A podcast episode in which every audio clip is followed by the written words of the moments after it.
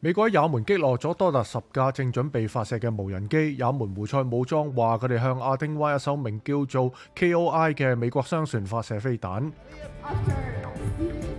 欧盟举行高峰会议，批准向乌克兰提供五百亿欧元嘅融资计划。抗议者呼吁禁止俄罗斯出口液化天然气同铝。